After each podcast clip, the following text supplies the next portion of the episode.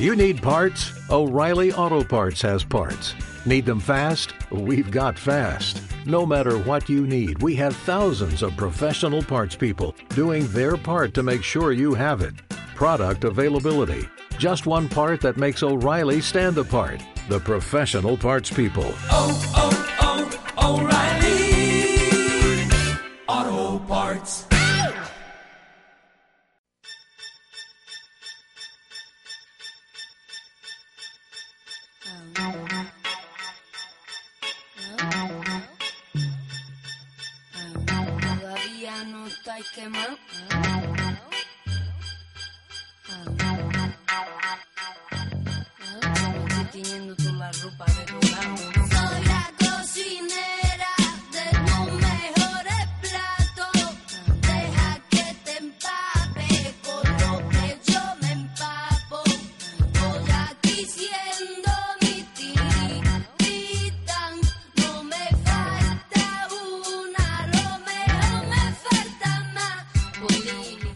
Bona tarda. Una tarda més aquí al Davantal. Si voleu participar en el programa o fer qualsevol consulta nadalenca d'aquests plats que ens acompanyen aquests dies, ho podeu fer a través del 977 16 89 77 i us aclariré qualsevol dubte que tingueu d'aquests plats que fareu aquests dies. Benvinguts. Todavía no estáis quemados, yo me estoy toda la ropa de dorado. Amor, entre morado y morado. Lo que disculpa,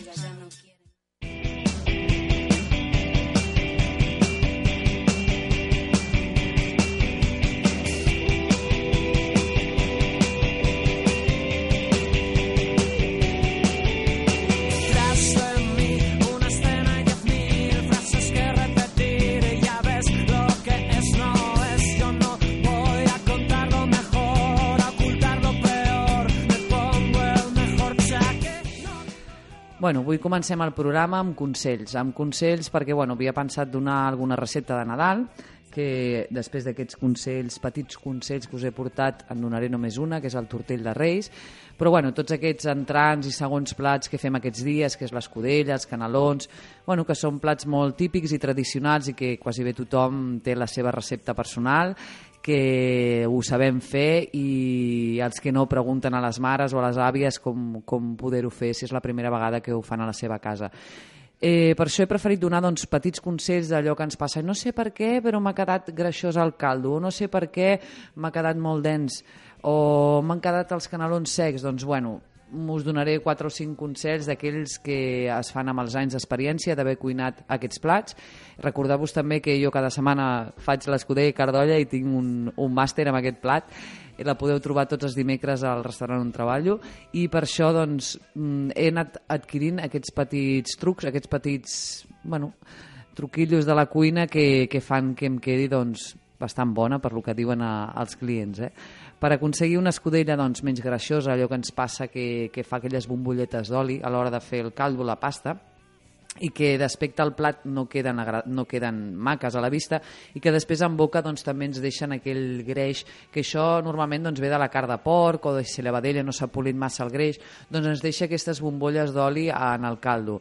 Si el deixeu, quan el deixeu refredar, eh, el podeu anar espumant en el moment que bull o quan el deixeu refredar si és que el prepareu un dia abans i teniu la possibilitat de que se refredi i tornar-ho a escalfar l'endemà, doncs el desgreixeu. Desgreixar és treure tota la capa que ja et queda dalt de, de l'oli aquest és molt més fàcil treure'l en fred. Si no, doncs, a mesura que vagi bullint, heu d'anar espumant, a part que hi traieu tota la toxina que, que, que surt de la carn, aquella espuma que fa el caldo quan bull, doncs també hi traieu l'oli, no? Si no se us treu amb l'espumadera perquè té aquells foradets i si són bombolletes d'oli petites, doncs amb una cullera grossa doncs aneu traient i anireu veient que, que desapareix. Però això quan porta una bona estona ja bullint, eh? quan ja porta una hora, hora i mitja, que ja heu anat ficant tota la carn perquè, com bé sabeu, doncs, es va ficant a poc a poc. Primer la que costa més de coure i després vas ficant a poc a poc doncs, el pollastre, el que, el que es desfà, no? Per arribar al final de la cocció amb tots els talls sencers per poder-lo servir taula doncs, amb la bandeja de la cardolla. Per aconseguir una escudella més neta, doncs una clara d'ou batuda. Eh, a part d'anar espumant i tot el que us he explicat, si el voleu una miqueta més blanquinós, batiu, batiu una clara d'ou i la tireu a dintre el caldo. Per aconseguir un brou més dens, que dieu, és que sempre em queda clar, no? Eh, bulliu doncs, patata juntament amb el brou i tritireu una patatona. Doncs, eh, abans de bullir la pasta, si és que us agrada molt el caldo molt espès, i tritureu una patata amb aquesta, un pic ja estigui colat al caldo per bullir-hi la pasta perquè no es fermenti, cosa important, que bulliu, feu la cardolla el dia abans i l'endemà us aixequeu i fa una olor horrorosa, és que s'ha fermentat. Vull dir, pot passar en qüestió d'hores, eh? a vegades també, és una reacció química de, del caldo que fa que es fermenti. Posar sobre un lloc elevat o posar una cullera de fusta sota o algo que, que faci que estigui amunt, no? o un, un salvamanteles d'aquells de ferro o el que tingueu, sempre la olla a sobre, quan hi ha un pic la tingueu cuita. Així passa l'aire per sota la, la, la cassola, fa que es refredi més ràpid i no fa doncs, que es tallin i es fermenti. No? Això ens pot passar amb el caldo o amb un fricandó o amb qualsevol plat. Sempre quan acabeu la cocció, si són vitros o focs plans, heu de procurar que quedi elevat la olla amb un puesto alt perquè no se'ns fermenti.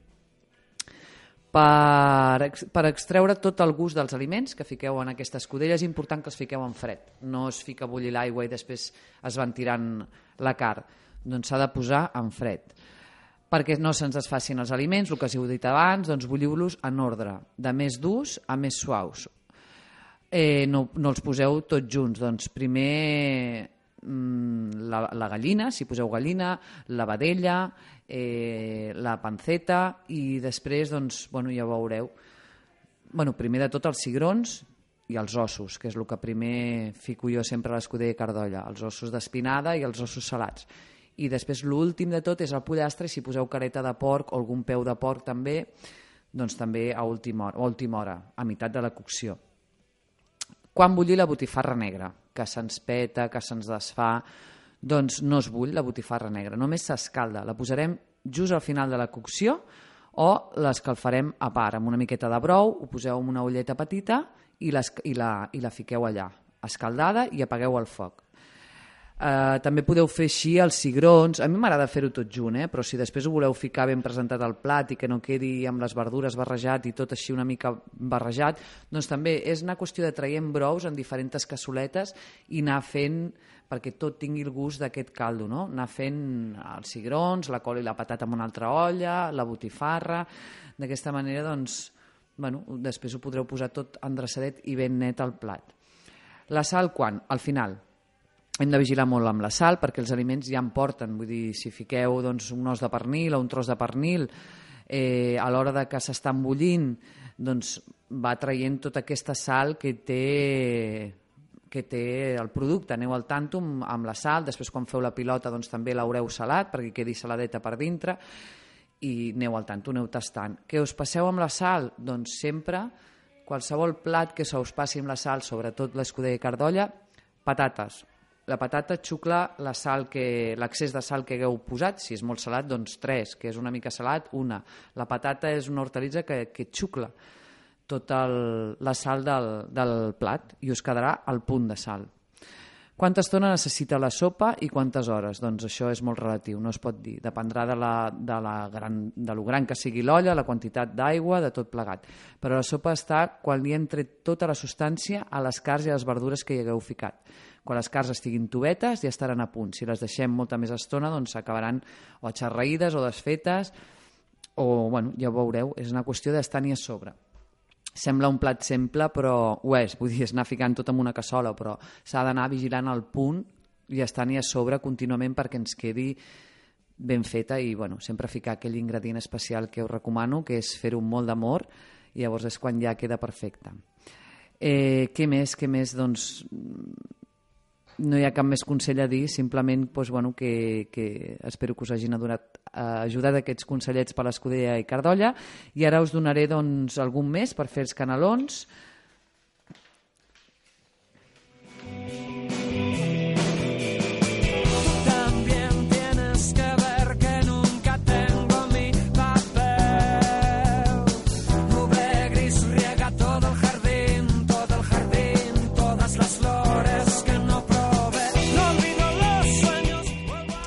Bueno, aquests canelons que fem cada any, que els podeu fer aprofitant les sobres de l'escudella, que és com es feia antigament, aquella carn que ens sobrava, ens sobrava de la, de la carn d'olla, doncs fèiem canelons. Després també us donaré alguns plats que podeu fer amb aquestes sobres que podeu anar guardant amb tàpers petits i congelant i després mm, fent receptes diferents a lo llarg de tot el mes de gener, que estem tots mig plomats, doncs podeu anar traient del congelador i anar fent aquestes receptes reciclades.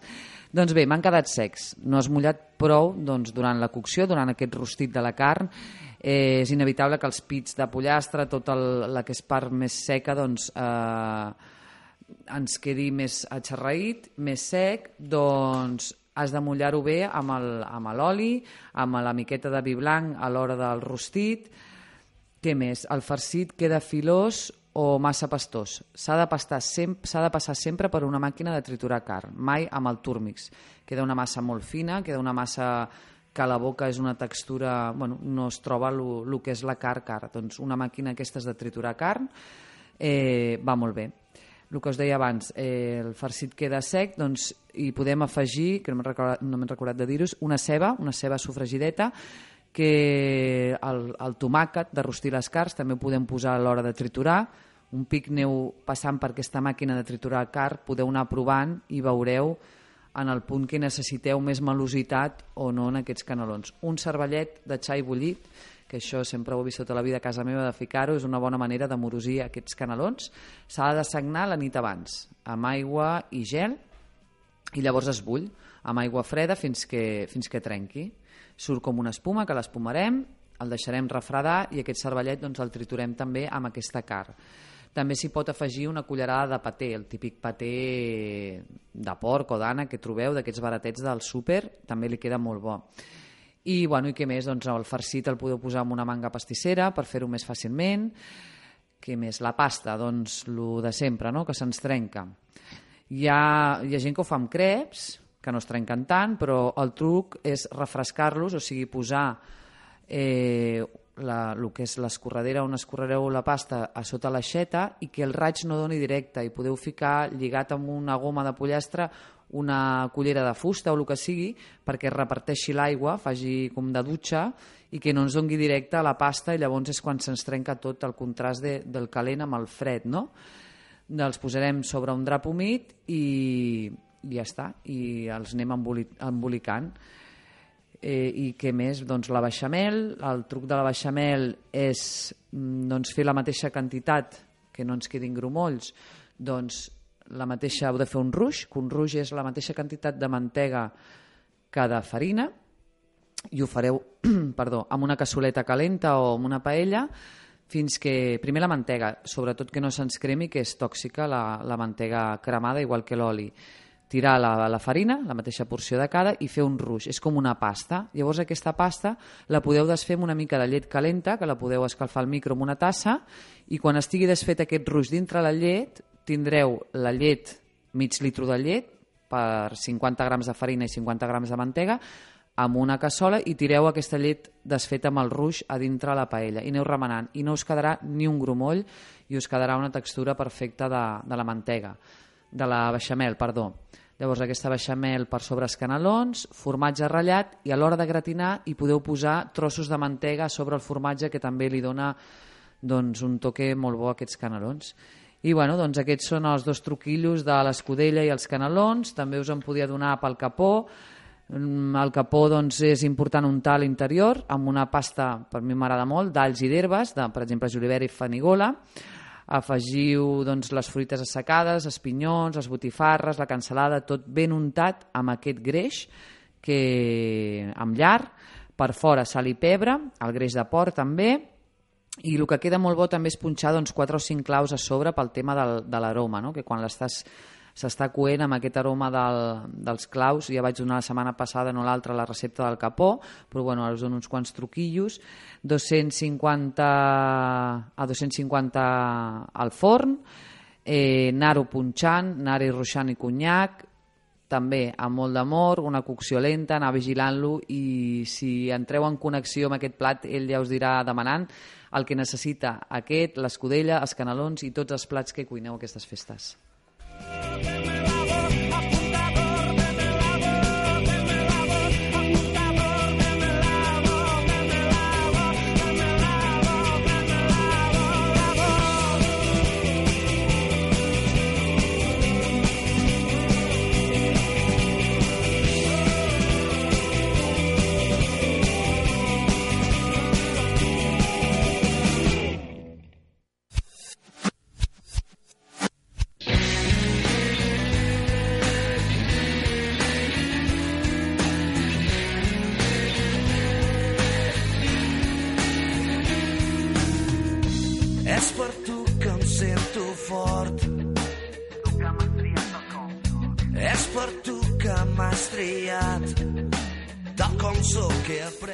Bueno, abans de donar-vos aquesta recepta del tortell de Reis, que és molt bona, us donaré uns quants plats, mmm, com us he dit abans, de les coses que podeu reciclar aquests dies.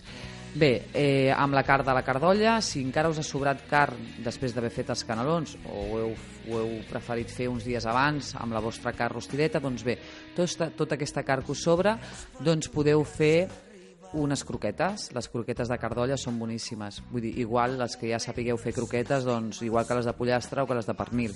Simplement és fer una beixamel una mica més espessa de lo normal, o sigui, ficar-hi més proporció de mantega i de, i de farina, pel mig litro de llet i tirar-hi tota aquesta carn ben trinxadeta petitona i tindreu unes croquetes boníssimes. Si feu xai al forn, una típica espatlla, cuixa o el que sigui de xai al forn i us sobren trossos, el congeleu pel dia que no sabeu què fer, saltegeu unes verduretes, trossegeu aquest xai i ho acompanyeu amb unes herbes d'aquestes que venen especial, un, perdó, unes herbes, no, unes espècies d'aquestes per fer el cuscús, que són unes espècies marroquines que porten canyella, que porten cúrcuma i un munt de- d'espècies molt bones i ho tireu a dintre el, el xai. Una miqueta de vi blanc, una miqueta d'aigua que faci xup-xup i ho podeu posar sobre un cuscús, per exemple, un dia d'aquests que no sapigueu què fer. Amb el caldo podeu fer la sopa de ceba, que és molt simple, saltejar la cebeta, el pa torradet i l'ou gratinat amb formatge. Després també amb la carn de cardolla podeu fer uns canelons de col, que és doncs, amb tot el que ha sobrat, tota la carn petitoneta, amb la beixamel feta, com per exemple la que heu fet per fer les croquetes, doncs bulliu unes fulles de col, les més de fora, més verdes, una mica més fortetes, ho farciu amb, amb la carn de cardolla, les fulles de col, beixamel i gratinat i teniu uns canelons de col de la carn d'olla que, que us ha sobrat. Què més? Doncs eh, ja està. Tot el que podeu aprofitar i ja si feu més plats, doncs jo més o menys són els que faig per aquests dies i el que faig després amb tot això, no? Doncs no llanceu res i aprofiteu. de l'enveja i del poder és l'amor i la força que m'empeny cap destí. No vull tenir tan sols vull sentir tot allò que em pots donar. Sé que el temps no esborrarà el que és bo i és de veritat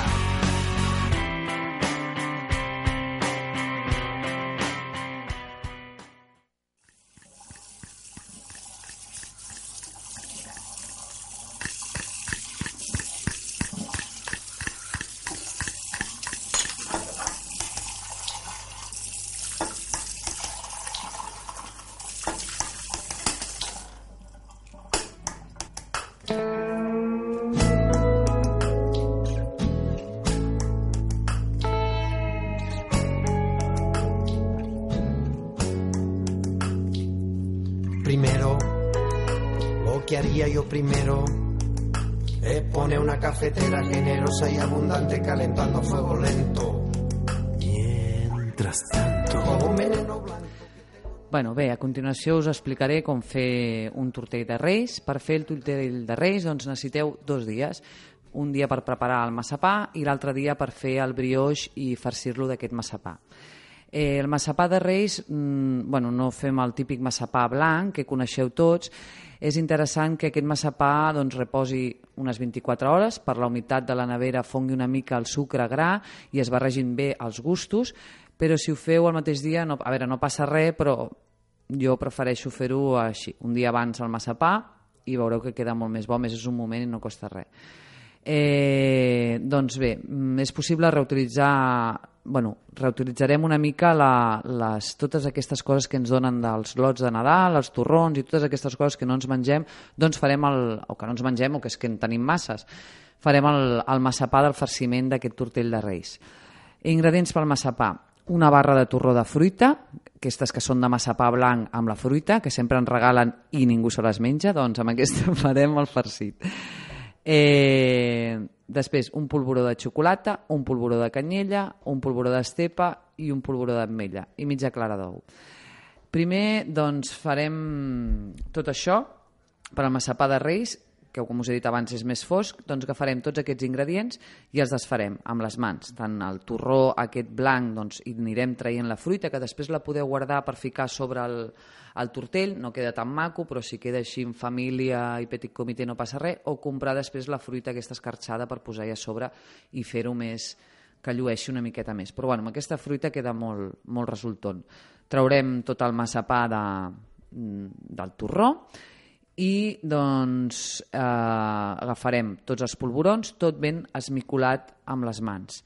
Val? Llavors, quan ja ho tinguem ben treballat, mm, que quedi tot molt, molt, molt ben barrejat, és una bona estona amassant, doncs agafarem el que és el, el rei, que podeu aprofitar un d'uns anys que tingueu, i una fava. Això ho embolicareu amb paper de plata i un ho posareu a una banda i l'altre a l'altra. Feu com uns tubos, com ja la forma de, del tubo, enrotllant-ho i així amb les mans fent una forma de tubo, i ho reservareu a la nevera, doncs, com us he dit abans, durant unes 24 hores. Eh, i l'endemà començarem a fer el brioix. Això ho fan a quasi bé totes les pastisseries eh, aprofitar doncs, tot el que els ha sobrat i tenen també guardat de, de polvorons, de panellets, no, panellets, no, perdó, de torrons, de, de retalls, de tot això, per això queda aquest massapà més fosc i molt més bo que, diem, hosti, que el, el massapà del tortell de Reis té un gust diferent. Doncs és totes les sobres de, de les pastisseries i per això té aquest, aquest gust tan bo i és més fosc que el massapà normal. Doncs bé, l'endemà farem aquest brioix. Els ingredients que també necessitem pel brioix doncs són 250 grams de farina força, 50 grams de sucre, 3 grams de sal, un ou, 10 mil·lilitres de licor estomacal, el bonet, que el trobeu a qualsevol drogueria o farmàcia, 25 grams de llevat en pastilla, 25 grams de llar, vainilla, llimona, colorant, aigua o llet freda, uns 40 mil·lilitres aproximadament. I després, doncs, per decorar, doncs, la fruita confitada, cirera, carbassa, meló, taronja, el que trobeu, val? vull dir, el que més us agradi. Podeu posar uns pinyons, una mica d'ametlla filada per sobre, fruit, la fruita de barra de torre que us he dit abans, eh, bueno, un munt de coses que podeu fer després per decorar el vostre gust. A l'elaboració del brioix, doncs bé, el brioix és una, és una marsa difícil i complicada de fer. Bueno, ho has d'haver fet dos o tres vegades per agafar-li el punt, sembla molt fàcil, i fins i tot quan comenceu pot semblar que bueno, és tirar tots els ingredients i no, sempre, mai et queda igual. A mi mai em queda igual. De fet, quan, quan està la massa feta s'ha de poder doncs, estirar amb els dits i fer pràcticament una bombolla doncs, com els xicles, però bueno, és bastant, a mi m'ha costat molt trobar-li el punt a, a la massa brioix. A veure, tampoc no us sortirà malament si feu la recepta aquesta amb els ingredients que porta, però després ja anireu agafant el, el vostre toque si és que ho feu sovint perquè us pugi bé, perquè tingui el repòs que necessita... Bueno. Eh, en qualsevol cas, mm, no tothom és capaç d'identificar el punt d'això, però bueno, cada un va trobant el seu punt al seu gust. Bé, què farem? Doncs... Uh... Perdoneu, he tingut un... Bueno, no sé la paraula. M'he quedat en blanc. Doncs, bueno, fem. Aquest brioix ha de portar el licor o estomacal, com us he dit abans, el bonet o bueno, qualsevol que trobeu, que trobeu o si en teniu per casa. Barregeu l'ou amb el colorant alimentari, doncs pot ser de taronja també, amb unes gotes d'essència de vainilla i unes gotes d'essència de llimona. Afegim el sucre i el llevat esmicolat. Eh, amb aquest, eh, preparem tots els ingredients, a dintre la massadora tirarem els ous amb el sucre i la sal, una mica de colorant d'ou, l'essència de la llimona, l'essència de la vainilla, la vainilla o vainilla en pols, si voleu, com vulgueu, i, bueno, i tot el que, hem, el que hem dit abans del licor i tot això. I doneu un cop de batedora, primer ho masseu una mica amb la mà i després ho doneu un, un cop de batedora abans de posar la farina, per barrejar-ho bé eh, amb el ganxo li costa una mica fer la barreja aquesta, doncs primer ho feu amb la mà, col·loqueu el braç de la batedora que tingueu i llavors hi tireu la farina. El llevat el podeu dissoldre amb una miqueta de llet i sempre us, bueno, us quedarà més bé. Incorporem la llet amb aquell llevat i ho poseu a la batedora a una velocitat 1, que tampoc vagi molt de pressa. La quantitat de llet és relativa doncs, a l'època de l'any i la humitat, és que és, és bastant complexa aquesta pasta. Per això sempre doncs, s'ha de corregir més líquid o més farina que ja ho anireu veient, és una qüestió de pràctica i d'anar-ho fent doncs, amb el temps. Però sobretot deixeu que es treballi aquesta pasta. Ha d'estar un mínim de 20 minuts amassant amb aquest, amb aquest robot. Si teniu un d'aquests tipus KitchenAid o un robot d'aquests de cuina, va superbé. El brioix ha de tenir, com us he dit abans, una bona elasticitat i el traiem doncs, un cop pastat, uns 20-25 minuts.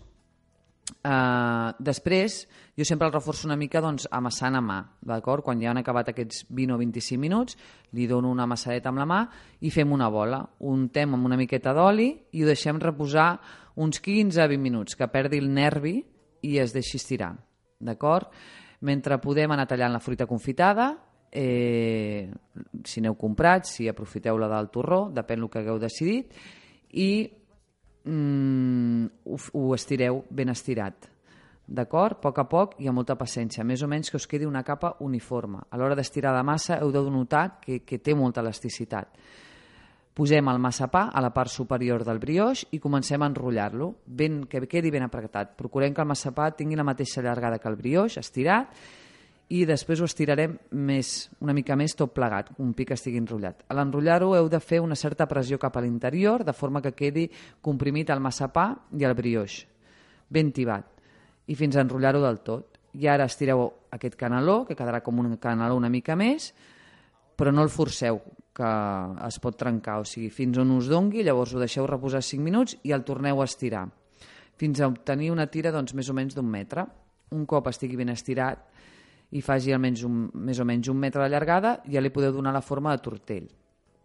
L'aixafeu en un costat i l'uniu amb l'altra banda, procurant que no es noti gaire on heu enganxat una punta amb l'altra. Ara el podeu aixafar una mica, tot en general, no ha de quedar rodó, ha de quedar aixafadet. Si després eh, fiqueu la fruita, apretant perquè quan es cogui això puja, que no salti, o quan es fermenti també pot saltar, doncs heu de fer una petita pressió a cada fruita que poseu i després podeu fer doncs, dues fermentacions, o deixar-ho unes hores que, que pugi o fer la fermentació estufa del forn, que és doncs, escalfar-ho a 180 graus, apagar-ho i deixar-ho no sé, un parell o tres d'hores a dintre amb el forn apagat que es fermenti. D'acord? Una vegada hagi fermentat, doncs eh, ja el podem coure. Té una cocció molt ràpida, són uns 15-20 minuts. Després hi tirarem les ametlletes, ho pintarem a manís, amb una miqueta d'ou i tornarem a donar un cop de forn i ja teniu aquest tortell de reis. Bon profit. Primero, lo que haría yo primero es poner una cafetera generosa y abundante calentando fuego lento. Mientras tanto,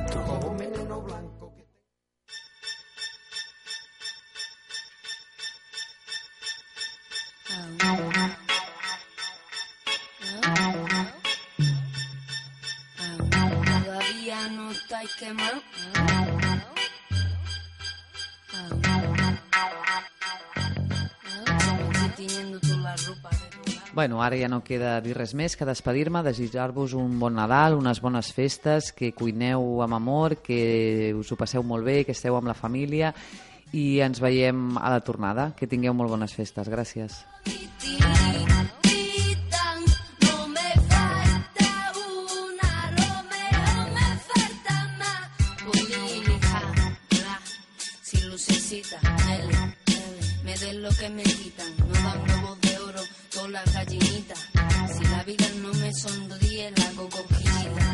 Aguantan, no están preparados, no entienden.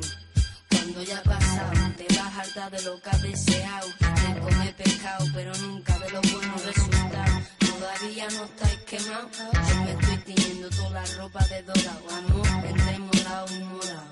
Lo que disculpa, cuando llega ya no quiere más así apaleado. Saben que tengo el cañón guardado y las estrellas y la luna de mi lado. Si te han pegado, vete y disfruta del olor de mi estofado.